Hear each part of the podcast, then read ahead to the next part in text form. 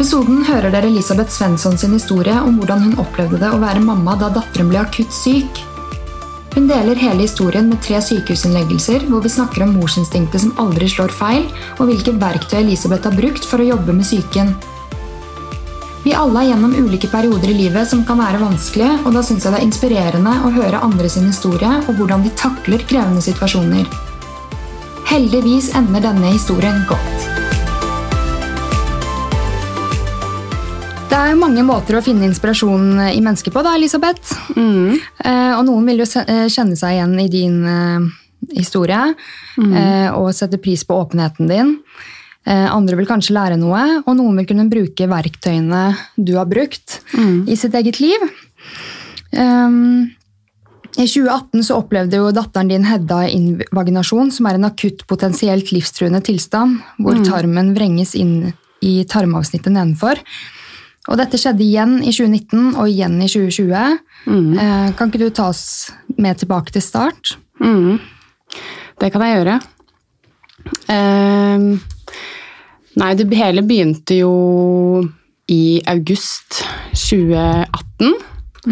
Eh, og Hedda er jo født til termin, på termin faktisk, og alt er jo, var jo bra. Og hun var jo en frisk, eh, stor baby som var nysgjerrig og utforskende, og det var jo ingenting som tilsa at hun var dårlig.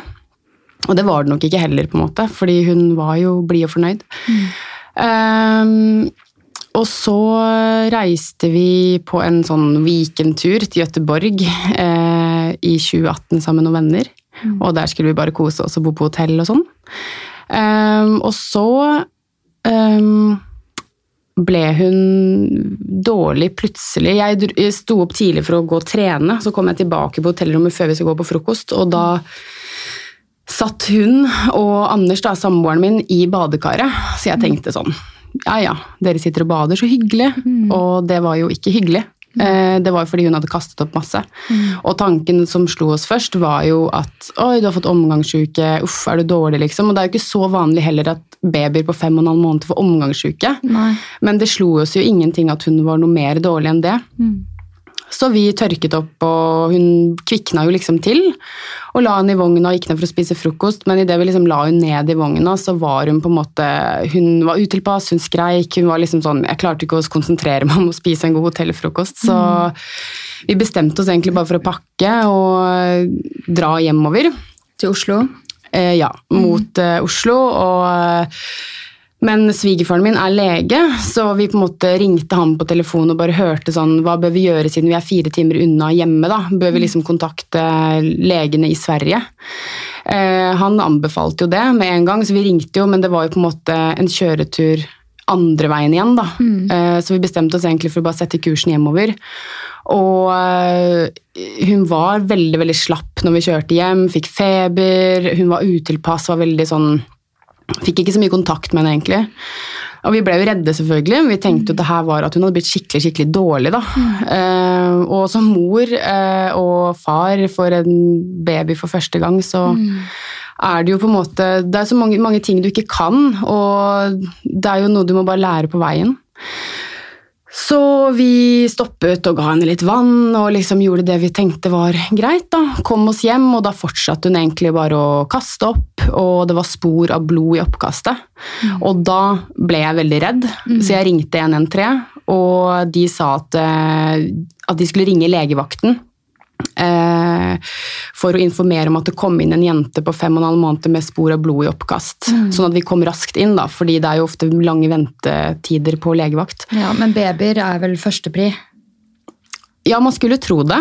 Men eh, ja, forholdsvis førstepri, men vi satt og ventet ganske lenge, og for oss da som var redde, så var det veldig lenge. Eh, vi kom dit, og det var sånn at jeg turte ikke å gi hun eh, Jeg ammet ikke, da, så hun fikk flaske. Så jeg turte ikke å gi hun på en måte mer melk, fordi det, alt kom opp igjen og enda mer. Så vi tenkte at ok, behold den melka du har i magen. For det var jo den eneste maten hun hadde da. Eh, og så um, kom vi inn og møtte på en lege, og han undersøkte henne. Og da var det jo sånn selvfølgelig typisk at hun var litt sånn kvikkere enn hun hadde vært. da, Sånn typisk og sånn smilte litt, og han mente jo da at å, ja, hun er helt frisk, og hun er sikkert dehydrert fordi hun har kastet opp så mye. Og jeg sa at men hun er ikke seg selv. Hun på en måte, Det er noe som ikke stemmer. Hun på en måte bare, Det virker som hun har vondt i magen, og kan vi ikke bare liksom få undersøkt det her litt mer? Hun er liten, hun kan ikke si fra på en annen måte enn å gråte. Nei, han mente at vi skulle gi henne noe gem, da, sånn saltløsning i vann, og gi henne det. Og dra hjem igjen. Ok, vi stolte jo på han, da, og dro hjem og ga hun dette. Dette ville du ikke ha. Mm. Og gikk og la oss, og sovnet hun ganske greit den kvelden. Og vi satt nede og bare ok, nå virker hun bedre, hun hadde ikke noe feber. Men så brøt uh, helvete løs den natten. Da spøy hun ned alt som var, og var så sliten på morgenen at vi fikk så å si ikke kontakt med henne. Hun var så slapp og sliten. Mm. Uh, og jeg tenkte at vet du hva, her er det noe som ikke stemmer. Jeg ringer ikke i fastlegen min, jeg bare kjører til Ski, tropper opp der. Eh, og liksom bane meg vei. Uh, Samboeren min jobba da i Sarpsborg, og vi tenkte jo da at det nærmeste sykehuset vi kommer til, er jo sykehuset i Østfold, så han dro ned og jobbet rett i nærheten, sånn at da møtes vi der, på en måte. Mm. Så jeg tok med meg kusina mi. Og satt bak med Hedda, hun kjørte, jeg troppet opp på legevakten og ja, fikk jo beskjed om å stelle meg i kø, da. Ja. Uh, men jeg gjorde ikke det. Så jeg bare tok med dette bilsetet inn og plasserte hun i gangen og sa at ropte 'noe er gærent med babyen min, kan noen hjelpe meg'? Mm. Tilfeldigvis så kommer eh, fastlegen min gående forbi og ser meg og henne, og han sier at eh, det er ikke så ofte eh, jeg har vært hos legen da, utenom etter man har blitt gravid, så han skjønte at her er det noe som ikke stemmer, at jeg var så redd. da. Så han tok med henne inn og avlyste neste pasient, eller utsatte det, og bare tok meg med inn der og så på henne. Han syntes at hun var litt hoven på høyre side nede ved magen. Mm. Så han sa at jeg kan ikke nok om det her, og det er jo en riktig vurdering, men jeg er en lege som, ikke, som er allment god på mye, som ikke kan spesifikt om det. Send videre for sikkerhets skyld når det er en baby. Så han sendte oss til Ahus, kommer dit, øh, og var, jeg fikk ikke kontakt med henne i bilen, hun var helt borte.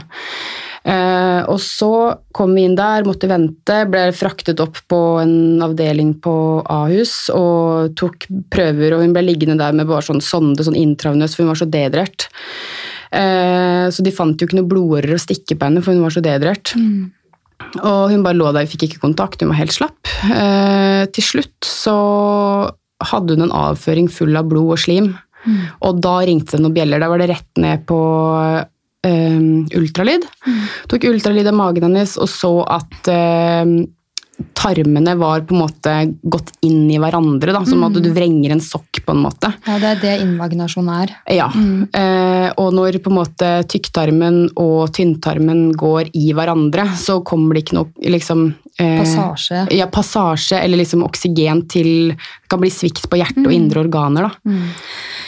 Altså, det er så dramatisk historie, og jeg har hørt den her i brøkstykker tidligere. Mm. Men hver gang vi snakker om det, enten det har vært på telefon eller jeg har fått en liten mm. oppsummering på melding, eller, mm. så har jeg bare, det har knyttet seg i kroppen. Jeg kjenner, jeg, jeg kjenner jo deg fra før, siden mm. du er bestevennen til storesøstera mi. Mm. Men uh, ja, det knyter seg i magen min hver gang. Mm. Jeg kjenner at jeg blir alltid helt på gråten, så jeg tror jeg må konse veldig denne episoden. For ikke å bare For man begynner jo å tenke liksom for det første, når man er mamma selv, mm. så vet man hvor jævlig det er når bare ungen er nesten forkjøla og sover mm. dårlig, mm. og, um, eller blir dårlig av en vaksine. da. Ja. Sånn som sønnen min ble. Altså, eh, da ringte jeg også 113 fordi eh, han kastet opp, og han var helt grønn i ansiktet. Mm. Man blir redd. Man blir dritredd, og man skal faktisk følge eh, den følelsen du får da, mm. som mor. Og her var det jo noe ordentlig alvorlig. Heldigvis var det jo ikke det med min sønn. Men, uh, Nei, men alt er relativt, på en måte, tenker jeg. Da. Sånn, det du står i der, er det aller viktigste. Mm. Uansett om det er feber, eller om det er vannkopper eller om det er vanlig omgangssyke, så er det det som Det sirkulerer rundt hodet ditt fordi du Idet du blir mamma, så gjør du på en måte alt for barnet ditt, mm. og barnet ditt er en forlengelse av deg selv. Mm. og Du føler hjertet ditt blør hver gang det er noe. Ja, ja. Eh, bare de klemmer fingeren, liksom. Ja, det er helt forferdelig. ja. er, eh, jeg skjønner så sykt godt hva du mener.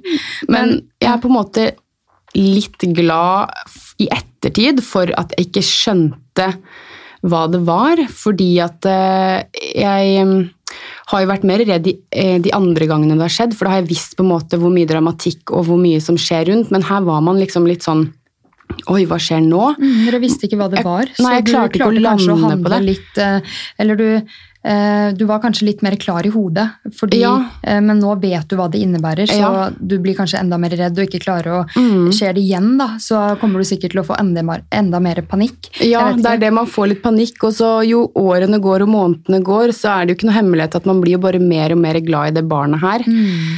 Eh, og jeg måtte jo faktisk stå ute i korridoren utenfor ultralydrommet og google invaginasjon. Mm. Jeg ante ikke hva de sto og snakka om, det var gresk for meg. Mm. Eh, og skjønte jo fort at det her var ganske alvorlig. Eh, så det kunne jo bli veldig alvorlig hvis ikke hun fikk akutt hjelp. Og da var vi på Ahus, og da var det ja, blålys og ganske raskt ned til Ullevål en fredag ettermiddag. Eh, jeg registrerte bare at de kjørte godt over 200, liksom sånn mm. ja, i farta. Det var bare gjennom rushen en fredag. og rett til akuttmottaket på Ullevål. Og der sto de klare for å ta oss imot. Mm. Uh, og man skjønte ikke så mye. Ting gikk så fort. Ja. Uh, Anders etter i bil. Uh, det var bare Ja, det gikk så fort, da. og man hadde bare liksom en sånn kampmodus. Mm. Og bare 'Det her skal jo gå bra. Nå får vi jo hjelp'. Mm. Og det fikk vi jo fin hjelp der. Så bra. Men hvordan opplevdes hele uh, denne dagen her for deg, og når du ser at Hedda blir lagt på operasjonsbordet, hvordan er det, liksom? Åh, det er vanskelig å på en måte beskrive, fordi vi har gjort det flere ganger. Eh, men som sagt så var den gangen der veldig sånn hva skjer? Liksom, sånn, man satt med så mange spørsmål, så ble man, ting gikk så fort at du klarte liksom ikke å tenke klart før egentlig etterpå. Og det var jo det at hun skulle Hun ble lagt i narkose fordi hun var så liten, så de skulle gjøre noe som heter rapponering gjennom endetarmen istedenfor å det skal gå ganske langt før de snitter opp i magen. Da, da skal Det på en måte, det er siste utvei. Sånn at, eh, og Vi fikk jo en god forklaring av de kirurgene her som forberedte oss på at ok, nå skal det være en type operasjon gjennom rumpa hvor de skal spyle inn i endetarmen for at tarmene skal løse seg opp igjen. Mm. Sånn at det kommer passasje og alt. da. Så du fikk informasjon? Vi fikk god informasjon. De har vært mm. helt fantastiske på Ullevål. De har vært mm. så proffe, men allikevel så sto de der og klødde seg i hodet og tenkte at hvorfor har ikke dere kommet inn før? Det her er jo skikkelig krise. Mm. Og vi sa at vi hadde blitt sendt hjem av legevakten, og de var jo veldig frustrert over det og tenkte at uh, De var såpass ærlige med oss at de sa på en måte Vi må bare si det at hadde det drøyd ca. seks timer til, så er det ikke sikkert vi hadde klart å redde henne. Uh, og igjen stole på det morsinstinktet. Jeg bare skjønte at noe var gærent. Jeg hadde så utrolig uggen følelse, fordi du kjenner babyen min, det blikket Det var akkurat som mm. hun, hun, trengte hjelp, liksom. Det var noe som ikke stemte. Mm. Uh, og når du eh, Det tok jo kanskje en time, halvannen, hvor vi bare satt utenfor det operasjonsrommet. Vi fikk jo følge henne inn, da. Eh, og så ble vi sittende ute der, og da hadde mamma også kommet. Og det er jo litt sånn på en måte rart å tenke tilbake på, men uh, mamma gråt jo mer enn meg. Mm, hva tror du grunnen til det var, da? Jeg tror grunnen var at jeg hadde så kampmodus. Du får noen sånne superkrefter som forelder når du står i det. Uh, mens hun sto jo Det hadde jeg sikkert som mormor også følt. og bare sånn 'Å, jenta mi, hva skjer?' Liksom, Hun var kjemperedd. Mens jeg var sånn 'Mamma, nå må vi fokusere. Det her går bra. Uh, nå må vi liksom ha fokus på riktig sted.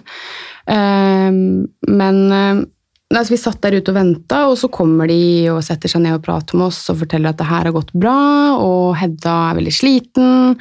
Nå må hun bare legges på intensiven en natt og få ro, men der får ikke dere lov til å være.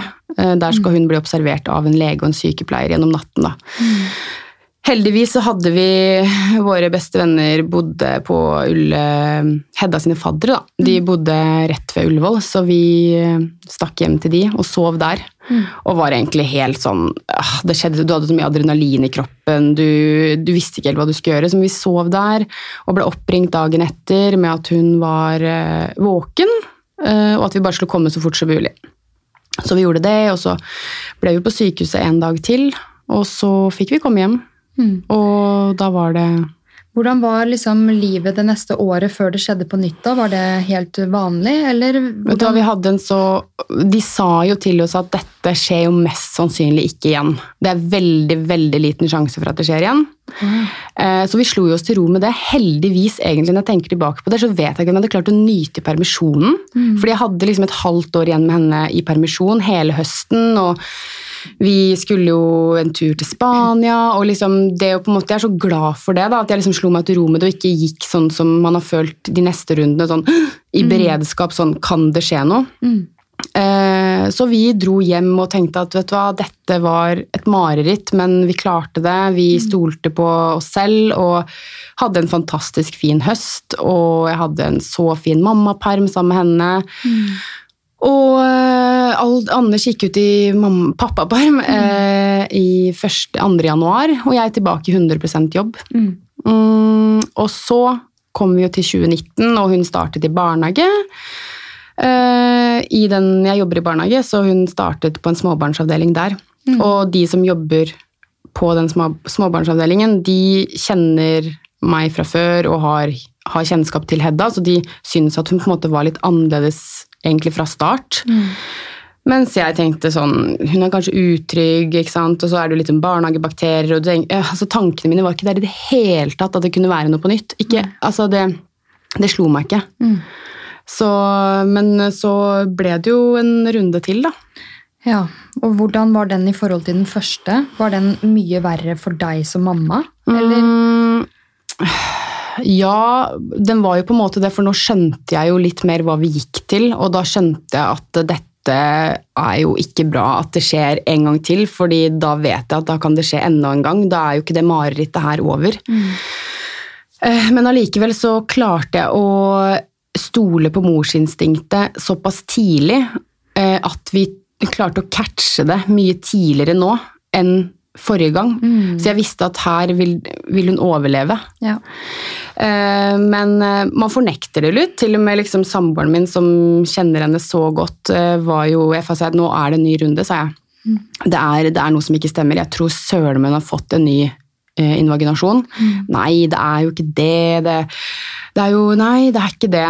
Og jeg sa at vet du hva, jeg tar ikke noe sjanse. Jeg ringer inn til legevakten, og vi måtte jo til samme legevakt som vi ble avvist hos. Mm. Men da, Møtte de dere med større åpent sinn nå, eller var det samme greia igjen? Det var en kamp igjen. Mm. fordi at det var en annen lege vi møtte. Eh, men jeg fikk se i papirene etterpå at han hadde skrevet det kommer en meget bekymret mor sammen med bestemor inn, og basically overtalte han til å bli sendt på sykehuset for en ultralyd for å utelukke en ny invaginasjon i tarmen. Eh, så jeg sa bare altså jeg, jeg satt og overtalte han da, sånn Vær så vær så snill, og bare Kan vi ikke få bli sendt dit? Og bare liksom Bare få utelukket det, da blir jeg rolig. Så han lot jo seg overtale, da. Og jeg la jo vekt på at vi har jo på en måte bomma på det før, så bare vær så snill. Eh, det var noe som er gærent, hun hadde høy feber og ja. Det er merkelig. Det er flere, liksom Jeg har hatt en annen gjest her også som har blitt sendt hjem av legevakten eh, av en lege på Bærum legevakt. og Man kjenner jo sitt eget barn best, man kjenner sin egen kropp best. og um, jeg lurer på hvorfor liksom, det er så mange leger der ute som ikke kan bare høre på hva den som kommer, har å si. da.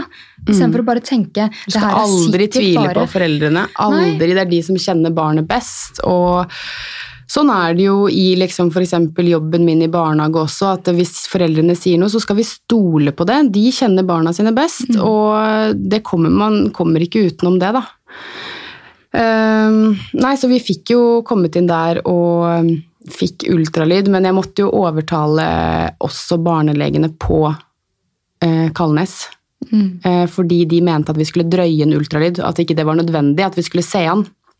Men jeg fikk overtalt de, og opp der på ultralyd, og de så jo med en gang at det var en invaginasjon igjen. Ja. Eh, de la seg flate, de beklagde til meg, men eh, jeg tror jeg svarte noe som at eh, det er greit, men eh, nå må vi ha fokus på henne. Mm. Og det var veldig godt å vite, selv om det var kjempevondt, og jeg ville jo vært foruten det, men så var det godt å vite at ok, jeg har rett igjen. Vær så snill, tro på Ja, meg. tro på det er ikke noe jeg sitter og finner på, fordi det er ikke sånn at jeg sitter hjemme og tenker hva skal vi gjøre i dag? Vi later som at hun er syk. Det, er, det er jo ikke noe du annet vil enn at barnet ditt skal være friskt. Nei, nei, men jeg tror også mange tenker at eh, mødre er så bekymra. Ja, hønemor. Regel, ja, hønemor. Noen Som regel er det ikke noe, så de tenker at alle kanskje er i samme bås, Ja. men det er absolutt ikke det. da. Nei, og så tenker jeg at eh, vet du hva, man skal være litt hønemor og hønefar, og man gjør det for å beskytte barnet sitt, og det tenker jeg, det må man få lov til å være. Det er mm. ingen andre som har noe med det. Men nå er vi liksom på runde to, da, og mm. er du fortsatt eh, da um, Du har fortsatt ikke fått et helt breakdown, eh, egentlig skjønt hva som har skjedd. Nei. Eh, når er det det skjedde, da? Jeg gråt ingenting, eh, og det kan jo man sikkert tenke og høre på og tenke at å, gråt du ikke, liksom? Hva er feil med deg? Men det er noe med at når du kommer innafor de veggene der, og du føler at eh, ja, nei, Du får på sånn kampmodus, da, og du, du må jo kjempe. Det hjelper jo ikke at jeg setter meg ned og gråter. Hun trengte jo meg mer enn noen gang, og oss. og Nei, så vi ble jo liggende, Det ble en ny sånn rapponering gjennom rumpa da, mm. den kvelden, og alt løste seg. på en måte. Det er det som er at Tarmen går på en måte litt sånn inn og ut av seg selv, og det er fryktelig fryktelig vondt, at hun får kjempevondt, og så løser de seg på en måte opp av seg selv. Det er det beste. Og det var det som skjedde da, men så kom de igjen den natta. Uh, og så ble vi isolert på et rom pga. Ja, noe sånn at de Vi kunne ikke utelukke sånn omgangssyke og forskjellige sånne ting. Da, så vi ble jo eh, isolert på et rom i hva da, 15 timer med hun, som til slutt slikka sine egne tårer, for hun var så dehydrert. Herregud. Ja. Altså, jeg får vondt i hjertet mitt. ja. Eh, og det er ganske fælt å være innelåst på ti kvadrat med Og de måtte jo ta på seg gule drakter sånn hver gang de kom inn for å hente et vannglass. ikke sant? Så det var så mange sånne ting som var sånn Det var så mye styr, da. Eh, og vi visste ikke hva som skjedde heller, men vi skulle bli sendt til eh, Ullevål, da. eh, I en ambulanse, og det tok jo litt tid før ting skjedde, men så til slutt så ble vi henta og kjørt til Ullevål. Inn der på barnekirurgen igjen, og sånn hei igjen. det bare oss. Eh, ja, dere vet hvor maten står. Eh, og så lå vi der i to netter, eh, tror jeg det var. Og da var det sånn at de så ikke noe nødvendighet for en operasjon, fordi at tarmen hadde gått ut av seg selv igjen. på en måte Det beste er jo til å gjøre det av seg selv. Så ble vi sendt hjem da ja, 17. mars, tror jeg det var. 16. mars, ja. Eh, og da ble vi, kom vi hjem, og jeg hadde da Jeg var sykemeldt en uke for å være hjemme sammen med henne, fordi Anders hadde akkurat begynt i ny jobb. Eh, og jeg måtte jo, fordi De første to ukene etter det er liksom det mest vanlige at det kan skje igjen. Det er liksom det åpen retur inn på sykehuset. da. Ja. Så da var jeg sykemeldt. eh, Planen var de første to ukene for å se. Og så var vi hjemme. Hun var sånn Hun var ikke 100% syns jeg. Jeg hadde en litt sånn mm, uggen magefølelse. Så fredag 22. mars, da spurte jeg Anders om han vær så snill kunne ha hjemmekontor, fordi jeg følte at noe var gærent.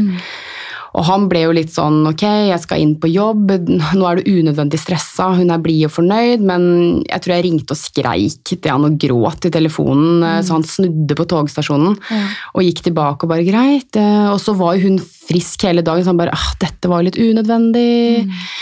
Men jeg forstår også det kjempegodt, fordi at eh, Man opplever ting veldig ulikt. ja, og så vil man ikke innse det heller. Nei. Og det er noe med det at liksom, han var jo også kjemperedd og ja, helt fantastisk i den prosessen her. Mm. Så han eh, snudde, og mm, vi la henne ut i vogna til at hun skulle sove, og så hører jeg bare på babycallen et vræl. Mm. Eh, som ikke hun pleier å ha. Og da tok jeg henne opp av vogna, og da kastet hun opp masse. Mm.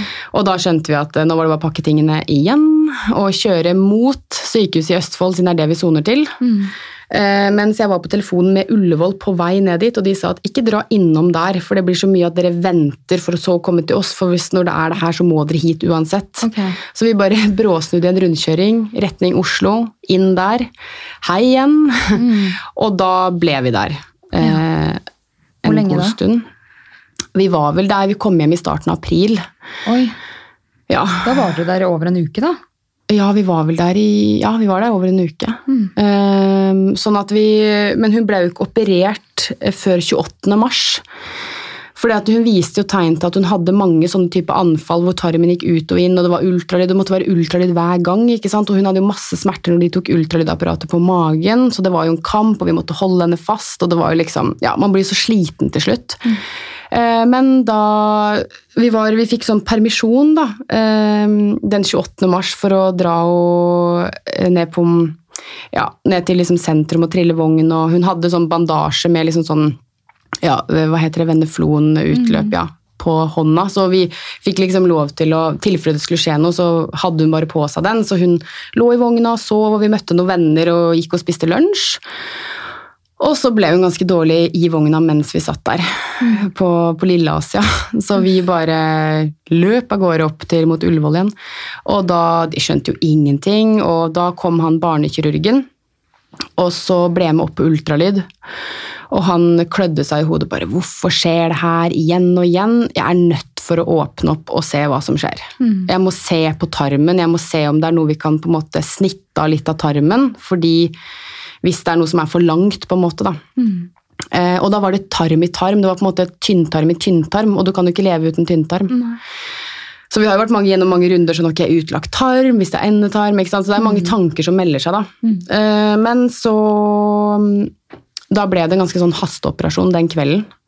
Så da var det anestesilege og narkoselege, og det var jo ganske sånn heftig, egentlig. Og det gikk så fort, og du på en måte likevel føler at du skal informere de som sitter hjemme, da. Og det liksom Det blir jo på en måte en sorg for de, en prosess fordi de føler seg kjempelangt unna. Hva er det vi kan gjøre? Heldigvis var det jo ikke noe korona da, så vi fikk jo besøk på sykehuset. Eh, Men vi, nei, det var det, da gikk ting så fort. Jeg husker jeg snakket både med mamma og pappa på telefonen, og de var kjempelei seg. Hva skjer videre nå? Hva? Åh, veldig fra seg, men jeg bare Jeg må legge på, jeg vet ikke hva som skjer. Det blir operasjon i kveld natt, men dere får høre fra oss. Så var det ned i kjelleren der til operasjonsbordet, og vi måtte jo ha på oss masse sånn utstyr og sånn, men det var bare én som kunne bære henne inn på operasjonsbordet. Så det ble meg, da. Ja.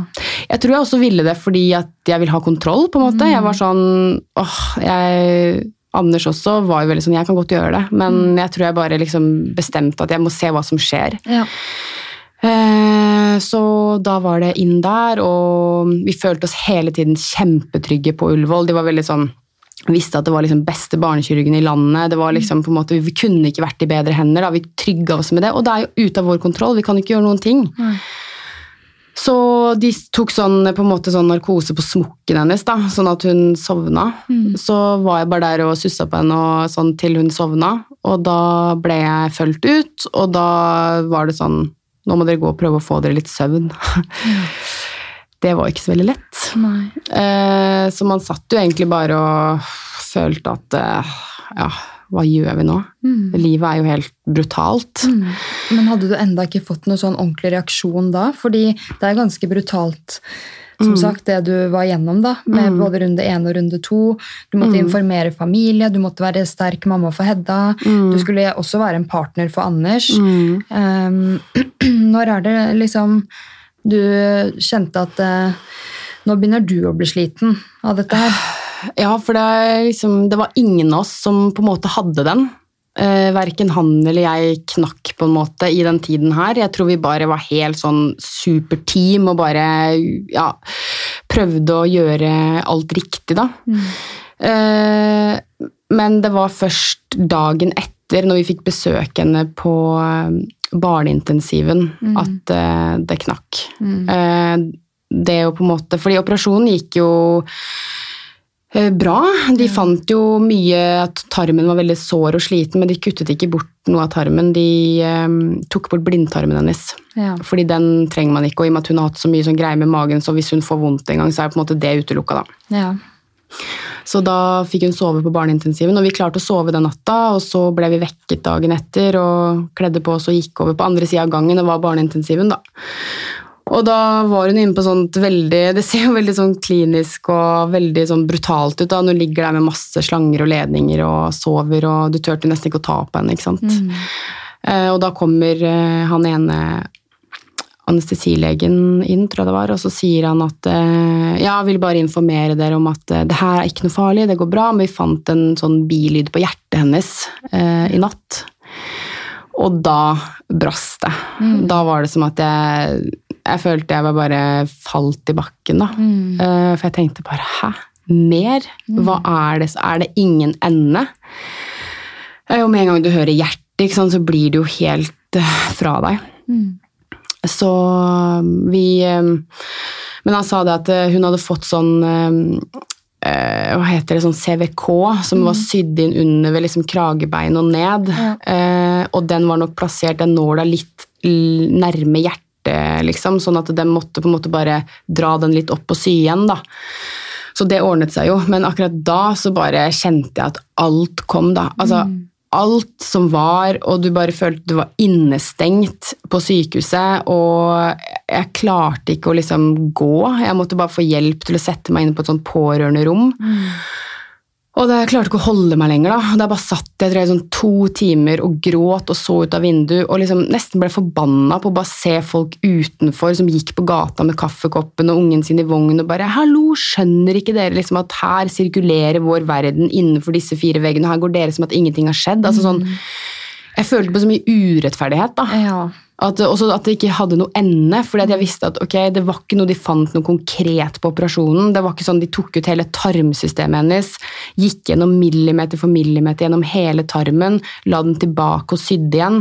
Jeg visste at det her kom til å bli på en måte en lang helbredningstid. Det kom, jeg visste ikke hva som venta. Det var ikke noe sånn at hei, her fant vi funnet, vi tok det bort, nå er alt bra.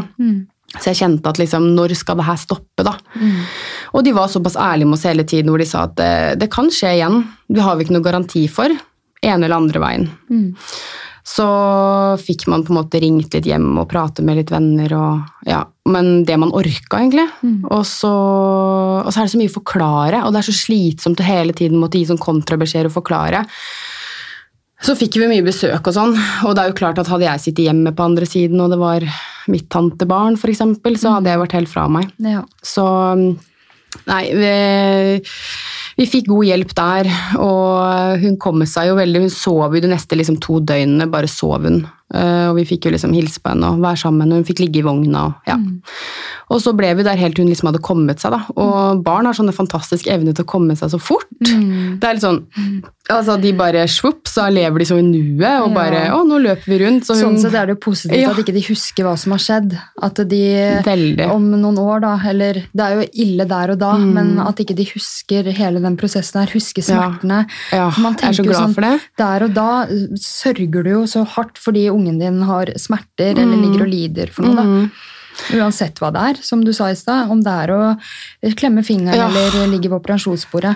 Jeg tenkte at Så- hun kom til å ha varig men av det her, og hva skal vi gjøre nå, Mm. liksom. Men de trygga jo seg hele tiden på at det du på en måte opplever før du er tre år, det husker du jo sjeldent med å Du husker det, tror du, ved å se på bilder. Ja. Eh, sånn at eh, vi måtte bare ta tiden til hjelp og la hun komme seg i sitt tempo. Og var heldige og fikk mye besøk, og vi visste at ok, nå får vi i hvert fall kommet hjem. og liksom, nå har De i hvert fall vært, de har gjort det de kan, de har vært inne, de har fysisk tatt på tarmen hennes og sett hva som har skjedd.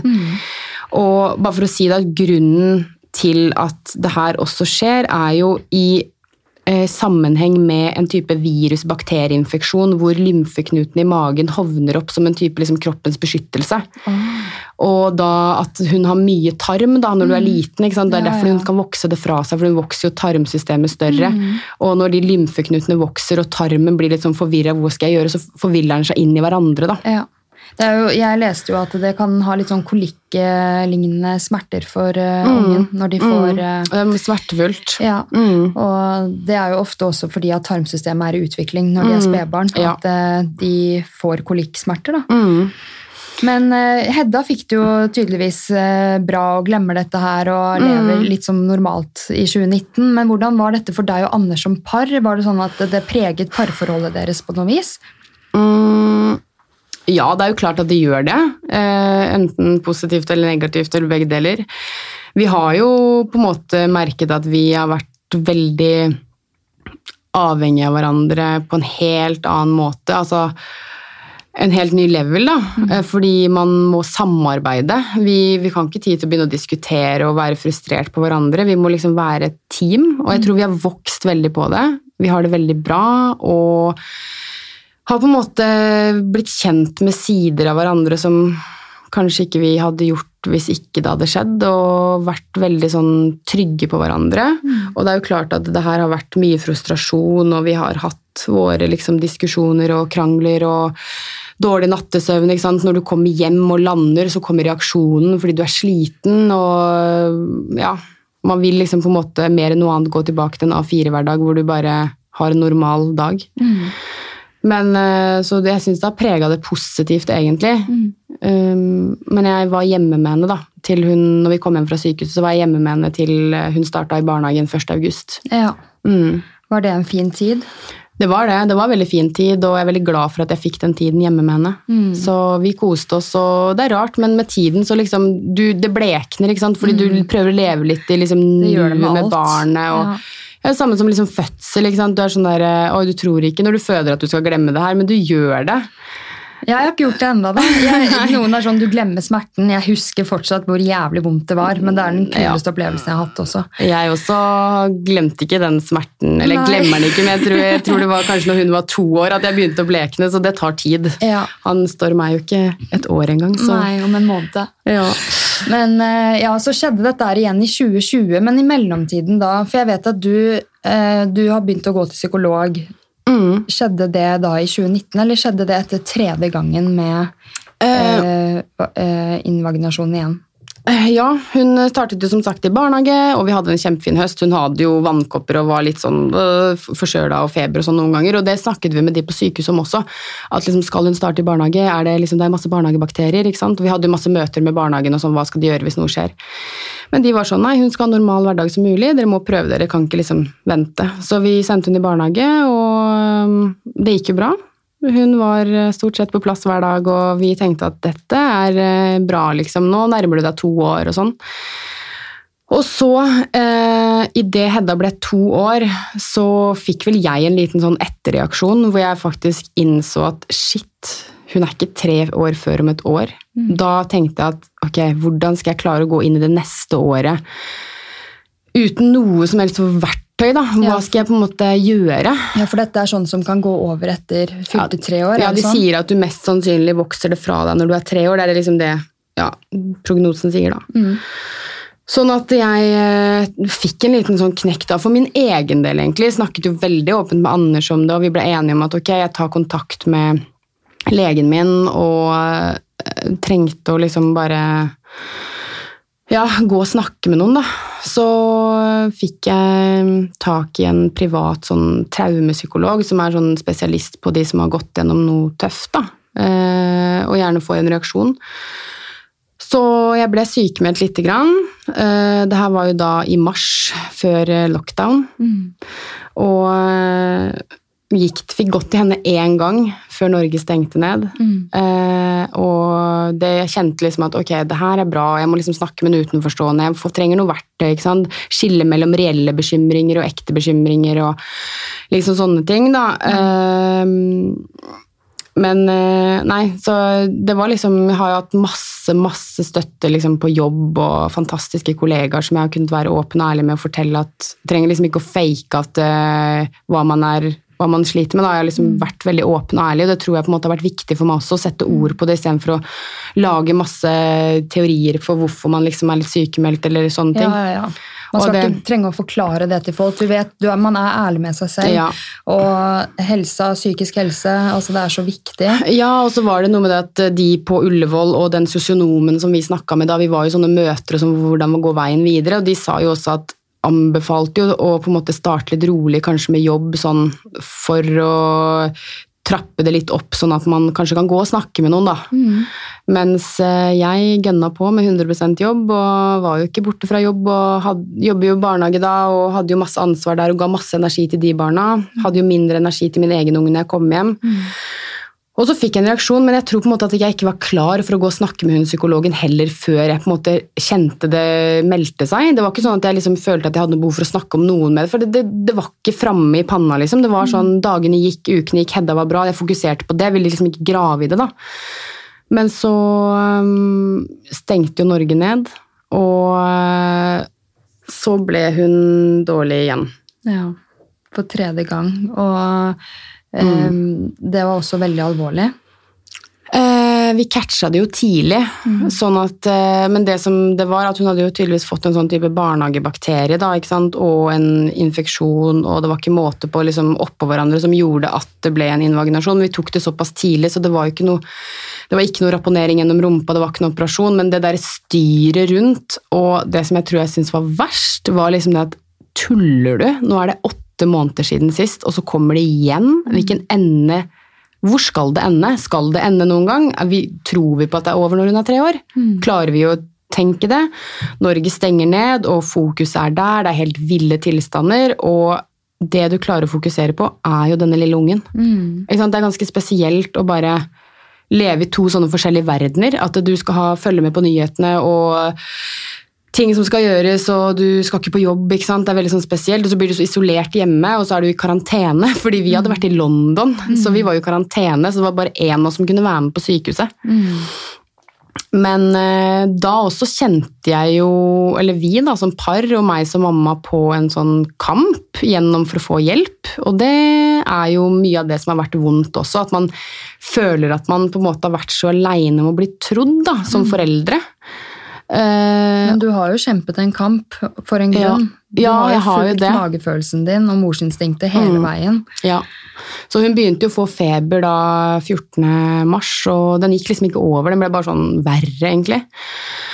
Og så sa jeg til Anders at du det er liksom, det er noe som ikke stemmer. Feberen etter liksom to-tre dager skal jo på en måte ikke bli verre. Og han liksom prøvde å betrygge meg med at nei, liksom, gå ut og ta deg en løpetur, liksom. Og så i den løpeturen så bare snudde jeg, for jeg bare, det fikk så dårlig magefølelse. Så jeg bare løp hjem igjen. Men så satte jeg meg ned utenfor og skrev melding til Anders og bare Jeg tør ikke å gå inn, for jeg tror det kommer til å skje noe fælt. Oh, ja. Jeg bare følte liksom at nå skjer det noe hvis jeg liksom går inn der og begynner å analysere henne igjen, så bare er det i gang, da. Ja. Og så ville hun ha litt mat, og så spiste hun, og så spøy hun. ja. Og da fikk jeg et angstanfall. Mm. Eh, Jeg klarte ikke å puste. Eh, Det var som at alt kom. Det var som at de to årene som har vært, og bare Da fikk jeg den knekken som du spurte om i stad. Eller trist, heter det kanskje. Tårene bare oh. Ja, da kjente jeg på at eh, det var som en vegg, liksom. At alt det som har vært fra august 2018, bare møtte deg. Og jeg klarte ikke å puste. Og jeg har hele tiden tenkt sånn Shit, et angstanfall, et panikkanfall. Det skjer ikke meg. Jeg følte på en måte at ok, jeg var sterk. Jeg var liksom, følte meg som en supermom, har ikke hatt noen reaksjon. Det her har jeg vært gjennom, det her har jeg bearbeida. Men så bare Jeg klarte jo ikke å Anders måtte bare ta henne med opp og gjøre hun klar for å liksom, gjøre hun ferdig for å spy. og Jeg sjalv, og jeg klarte ikke å puste, og det eneste jeg klarte å gjøre, var jo å ringe kusinen min, fordi hun er naboen vår. Eh, og stakkars henne. Det eneste jeg sa, var 'nå dør jeg'. Eh, og jeg fikk ikke puste. Og hun skreik jo på andre siden, og hva er det som skjer? Er Hedda, er Hedda, jeg får ikke puste. jeg, altså, jeg bare, altså, det kjentes virkelig ut som noen lå oppå meg og tok kvelertak på meg. da. Og jeg har skjønt nå hvordan folk har det med sånn panikkanfall. Og det var helt rart. Det var sånn Jeg lå bare på stuegulvet og klarte jo ikke å være meg selv. Med oppkast rundt, og det var ikke måte på. Eh, jeg tror jeg bare kjente på den derre Nei, igjen. Det var som at du liksom har kravla deg opp av hullet, og så bare ramler du ned, og bare bam! Så hun kom jo løpende og på en måte fikk meg til å puste og bare ok, slapp av, finn fram det Vi har et sånt kort i lommeboka som jeg går rundt med sånt nødnummer inn på barnekirurgen, for vi har åpen retur til hun er tre år. Hun bare ok, ta deg sammen. Og, um, og det verste var jo faktisk at en kollega av meg heter det samme som kusina mi, så jeg klarte å ringe henne først. Ja, fordi du var jo ikke helt uh, Nei, så det var, det var samme navn, så hun bare 'hallo, Elisabeth, hva skjer?' Og jeg bare ikke sant, 'Unnskyld, unnskyld', unnskyld. Og stakkars henne, ikke sant? jeg måtte jo ringe henne opp et par dager etterpå. bare, ja. Herregud. Men uh, jeg klarte å ringe barnekirurgen. Og det er klart at Norge var i lockdown. Man tenkte at ok, men her skal man jo ikke på en måte komme inn unødvendig. Men jeg var så enormt redd for at hvis ikke hvis man ikke tok det på alvor, korona, hvis man ikke liksom var flinke, så ville ikke vi med andre sykdommer enn korona få hjelp. da. Eh, og det var det man prøvde å stoppe. ikke sant? Uh, så jeg ble møtt av en sykepleier på telefonen som mente at hun ikke fikk åpnet Hedda sin journal. Og jeg sa at men datteren min er kjempedårlig, jeg får nesten ikke kontakt med henne. Hun har kastet opp, og vi, vi mistenker invaginasjon igjen. Eh, Vi har vært gjennom det her før. Bare slå opp journalen. Her er personnummeret hennes, her er fødselsnummeret hennes. Men hun mente da at eh, vi skulle ringe legevakten igjen og gå gjennom legevakten og kjempe oss kampen inn til kjernen. Ja, ikke sant. Eh, og jeg ble jo ganske irritert og sa at men vær så snill, hjelp meg. Og hun sa, svarte meg helt bokstavelig talt med at hvis du mener at din datter er så dårlig, så får du ringe 113. Så sa jeg at det er ikke hvis jeg føler noe, det er jo det jeg føler. Eller det det jeg ser. Eh, Det er jo, ja, jeg kan gjerne ringe 113, men jeg på en måte vil jo ringe og informere dere. Og jeg ringer 113, og de er jo veldig flinke med barn, og du skal jo aldri tvile når du kommer til barn, og heller ringe en gang for mye, og de var veldig rolig på telefonen, og de kom jo ganske fort, men vi var jo i karantene, og det var i lockdown, så det var jo fullt eh, Kripos-utstyr, ser det ut som, med hvite drakter, og det var ikke måte på. Og da hadde jo Hedda roa seg, og ja, lå på fang og var sliten og sånn, for da på en måte det, det i tarmen, liksom, da har de trukket seg tilbake, det er akkurat som det er stå på, ikke sant, som smerter, og så slipper det tak, men det er likevel såpass alvorlig at du må alltid inn og ta ultralyd og følge det opp og være på observasjon. Da. Så da sa Anders til meg at du er ikke du er ikke der at du kan bli med nå og på en måte være konsentrert. Nå må du bare være hjemme. For vi fikk bare lov til å være med én pga. korona. Så det endte opp med at jeg fulgte henne ut på båra til ambulansen og var eh, hjemme da, i tre dager alene i karantene Oi. mens de var eh, der. Ja. Hvordan var det for deg, da? Jeg bare gråt og gråt. Eh, sendte jo meldinger til liksom Ja. Venner og pratet med, med familie, egentlig. Eh, så jeg snakket med søsteren min på telefonen, og hun, hun gråt, og jeg gråt, og jeg snakket med pappa, jeg sa bare jeg vet ikke, Du trenger ikke å si noe. Bare, bare ha telefonen der, sånn at jeg kan gråte, at jeg kan vite at du er der. Fordi jeg er redd for at jeg liksom Altså, jeg får ikke puste. Så jeg ble bare liggende, og du har liksom masse adrenalin samtidig. Du vet ikke hva du skal gjøre. Liksom, du er alene inne, du, du, og så visste jeg at det tok jo 45 minutter å kjøre med ambulansen. Jeg fikk jo ikke vite noe mer. Sånn at eh, Jeg snakket med søsteren min på telefon, og hun var sånn Du får ikke lov til å legge på. Du bare er i telefonen nå, og vi bare prater om alt mulig. Og hun fikk meg jo til å le litt, og vi på en måte Hva skal du gjøre? Man måtte jo på en måte Til slutt så sovnet jeg jo da, midt på natta og fikk jo sove. Ja. Jeg var så sliten. Og så var det jo bare å vente på prøvesvar og sånn, og det gikk jo bra. Og invaginasjonen slapp jo i tarmen, men hun var likevel dårlig, da, så hun på en måte hadde jo fortsatt liksom bakterie og type influensaaktig sånn eh, virus liksom i kroppen som på en måte de sa at selv om det har gått over, så vil hun kanskje være dårlig i ti dager når hun kommer hjem og være slapp og sliten og litt feber og sånn. Så de kom hjem etter ja, to dager, to, ja, to og en halv dag var det vel, så kom de. Jeg dro og henta de på sykehuset. Og så Og etter det så har det gått eh, greit med Hedda. Bank i bank i bordet. Men med deg, da? Etter eh, hvor det ble lockdown og dette var runde nummer tre, hvordan har det gått med deg? Nei, det går jo bra, fordi at man må jo på en måte finne en måte å leve med det her på. Eh, og heldigvis så var det ikke noe sånn åh, det var ikke vanlig hverdag, det var ikke liksom han, Anders måtte til Skøyen. Vi var hjemme. Vi kunne være hjemme som familie, vi kunne komme oss sammen. Hedda fikk god tid. Det var ikke så mye sånn Det var ikke noe besøk, det var bare oss, liksom, som familie. Og mm, etter det her Man har jo kommet nærmere henne mm. på mange måter. Og jeg kjente jo det at å gå og prate med hun psykologen var jo viktigere enn noen gang. Eh, bare det å få kontakt med mine egne følelser, på en måte. da. Det å tillate meg å bare være redd uten å tenke at jeg er hysterisk. Eh, jeg hadde en god dialog med jobb, og de var sånn Ta den tiden du trenger, barnehagen er allikevel stengt. Og jeg sa at jeg må bare liksom ta den tiden jeg trenger. Så vi hadde en veldig fin tid, og det er noe med at du, hverdagen kommer etter hvert. Du våkner opp liksom en dag, en dag til, går og legger deg, så du får inn de vanlige rutinene bort fra liksom det kliniske og det sykehusgreiene, sånn at du kjenner mer, og hun pigna til, hun på en måte hadde det bra. Så vi bestemte oss for å um, Vi kontaktet jo barnehagen også uh, i forhold til oppstart og sånn igjen når det åpna opp. da. Så vi hadde en lang samtale, god dialog med de. Så vi valgte å sende henne i barnehage når uh, det åpna opp for det i 20. april. Ja. Mm. Jeg var jo hjemme, så det var litt sånn også for hennes del det sosiale. Hun trengte på en måte møte venner mer enn noen gang når det er mm. lockdown. Mm. Ja, ja. Uh, så det var korte dager, og man var hjemme tilgjengelig, og jeg trengte å hvile, da. Mm. Uh, Anders trengte å hvile. Vi trengte å være sammen, vi også, og på en måte bare lande litt. Mm.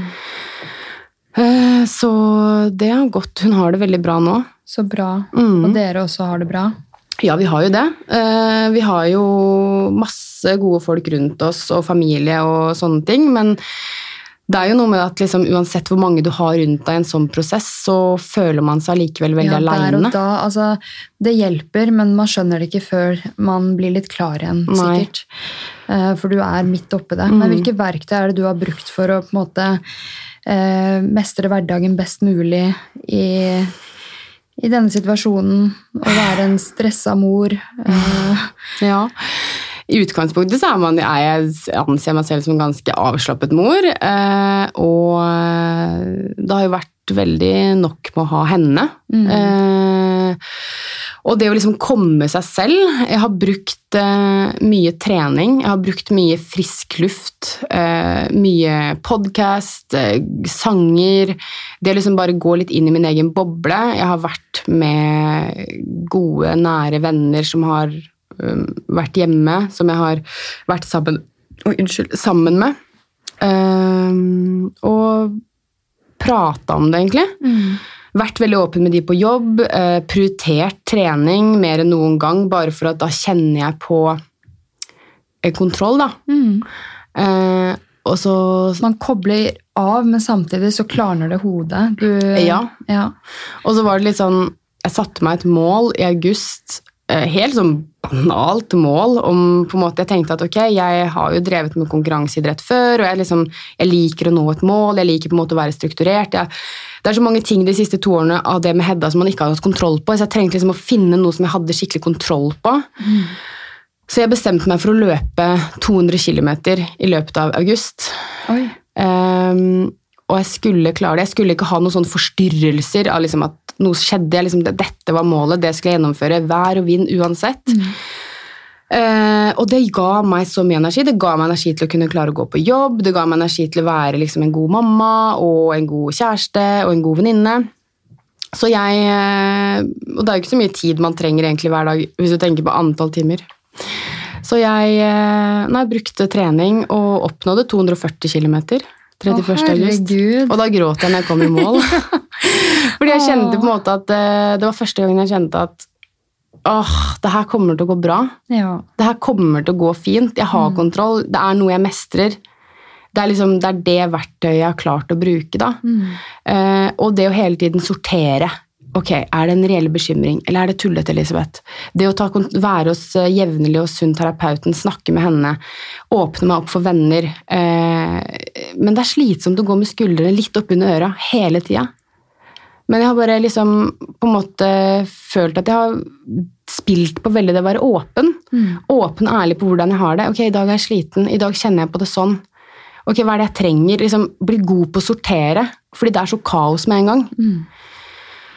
Nei, jeg synes Det har vært skikkelig fint å høre um, historien din, og jeg er sikker på at uh, alle de som hører på også, enten de har barn eller ikke barn, mm. de føler noe når de hører historien. Fordi mange velger å få barn, og mm. de skjønner hva du mener når du mm. snakker om dette morsinstinktet. Uh, om man ikke har barn Jeg hadde også skjønt dette hvis jeg ikke mm. hadde hatt barn, at det er uh, Ja, det er noe spesielt med det å være mamma, og når du går gjennom en sånn tøff eh, ting med ungen din, da. Det er vondt, Det er og det er jo på en måte en redsel hver eneste dag. Eh, og man må på en måte være blid på jobb og i hverdagen, og, men så kjemper man jo en kamp inni seg og har et mål om at ok, når hun blir tre år. Men så er det så lett også å tenke at den verden vi lever i nå, da, med sosiale medier, man legger ut de fineste bildene, note to self, man gjør jo det, eh, og det skal være så fint, og man får inntrykk av at å, alle har det så fint. Eh, men det her er jo en veldig sånn skjult greie. ikke sant? Hedda ser jo forholdsvis, altså Hun er jo frisk, og liksom ingen 'Å ja, men har hun vært sånn?' Hun er jo så pigg og med og på, ikke sant? Og det er jo liksom Det skjuler seg så mye bak, da. Eh, Men akkurat det du sa nå, jeg, jeg har veldig mange refleksjoner rundt det med sosiale medier og barn.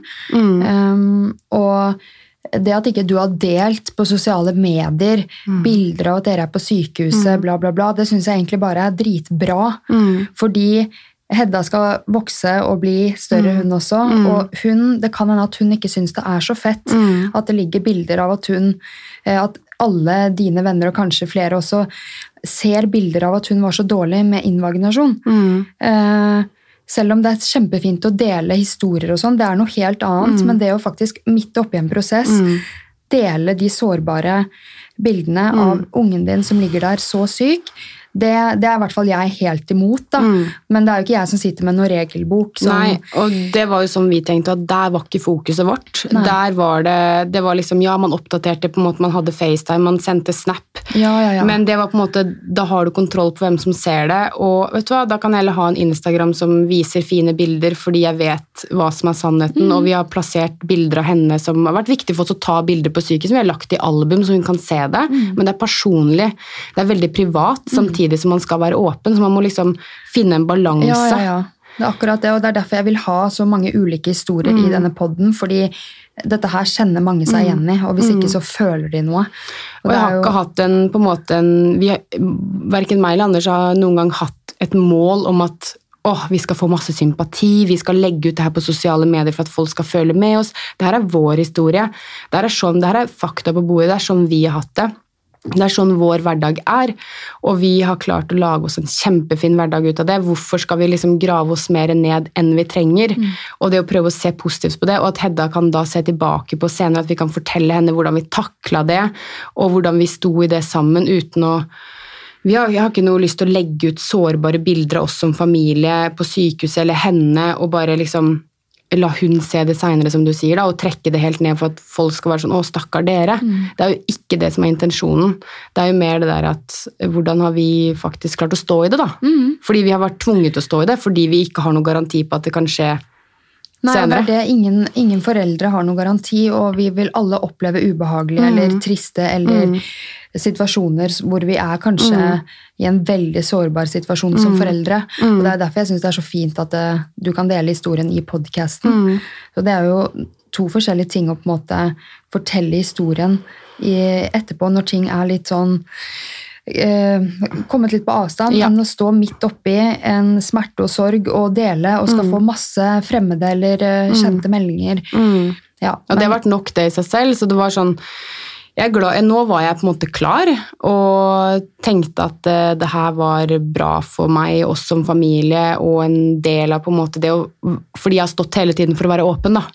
Og det er, blir en del av det å dele historien og hvordan, hvordan man har det, selv om man tenker kanskje på utsiden når man ser oss med bilder eller oss som familie at å, dere har det kjempefint, så ligger det så mye mer bak. da. Alle har liksom sin sin greie og sin kamp. og på en måte, Det er ikke liksom hver dag som er dritbra, Nei.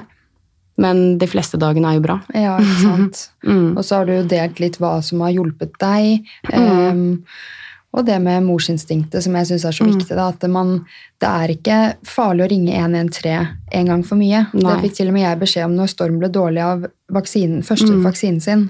Grønn i ansiktet og oppkast, liksom. Det Det, er klart det hadde jeg gjort òg. ja, og er eh, Magefølelsen tar eh, sjeldent feil, da. Den gjør ikke det på noe, egentlig. Og du skal bare følge magefølelsen og aldri tvile på morsinstinktet. Det er dere som foreldre som kjenner barnet best. Mm. Å, kjempefin episode. Er du klar for litt faste spørsmål siden tiden renner ut? Ja, det var det, ja. Ja. ja, selvfølgelig. Hvordan starter du uken best mulig? Sove lenge? Nei da. Ja. Er. Eh, trening og en, eh, å ha god tid. Ja. Mm. Hvordan finner du motivasjon til å snu en dårlig dag om til en god dag? Åh, jeg er veldig god på å finne sånn hverdagsgleder. Selv om det trenger ikke å være noe sånn en big happening som skal skje. Men det kan være sånn å, jeg gleder meg til å gå til frisøren, jeg gleder meg til å Og i kveld skal jeg ta fotbad og lakke neglene. Typ, liksom, I dag skal jeg ha en treningsøkt med en jeg er glad i. Det kan være sånn at jeg gleder meg til Jeg gleder meg veldig sånn fort over ting, da. Ja, så bra. Hva er du takknemlig for? Jeg er takknemlig for eh, selvfølgelig Anders og Hedda. Og utrolig takknemlig for alle de menneskene vi har rundt oss, som familie og venner. Det er vært helt knall i den prosessen her, da. Og helt avgjørende. Mm. Hva inspirerer deg? Å, det er så mye, Tina! Kjør på. ja eh, Inspirerer meg med Ja, hva skal man si? Det er så mye at man bare Ja, men det er så mye som inspirerer meg. Det kan liksom være i forskjellige settinger som inspirerer meg, da.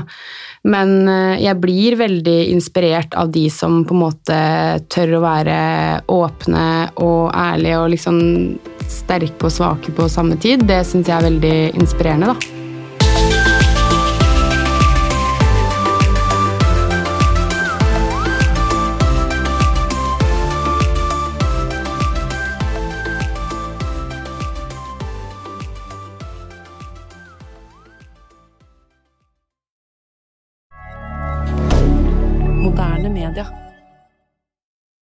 Har du et enkeltpersonforetak eller en liten bedrift? Da er du sikkert lei av å høre meg snakke om hvor enkelt det er med kvitteringer og bilag i fiken, så vi eh, gir oss her, vi.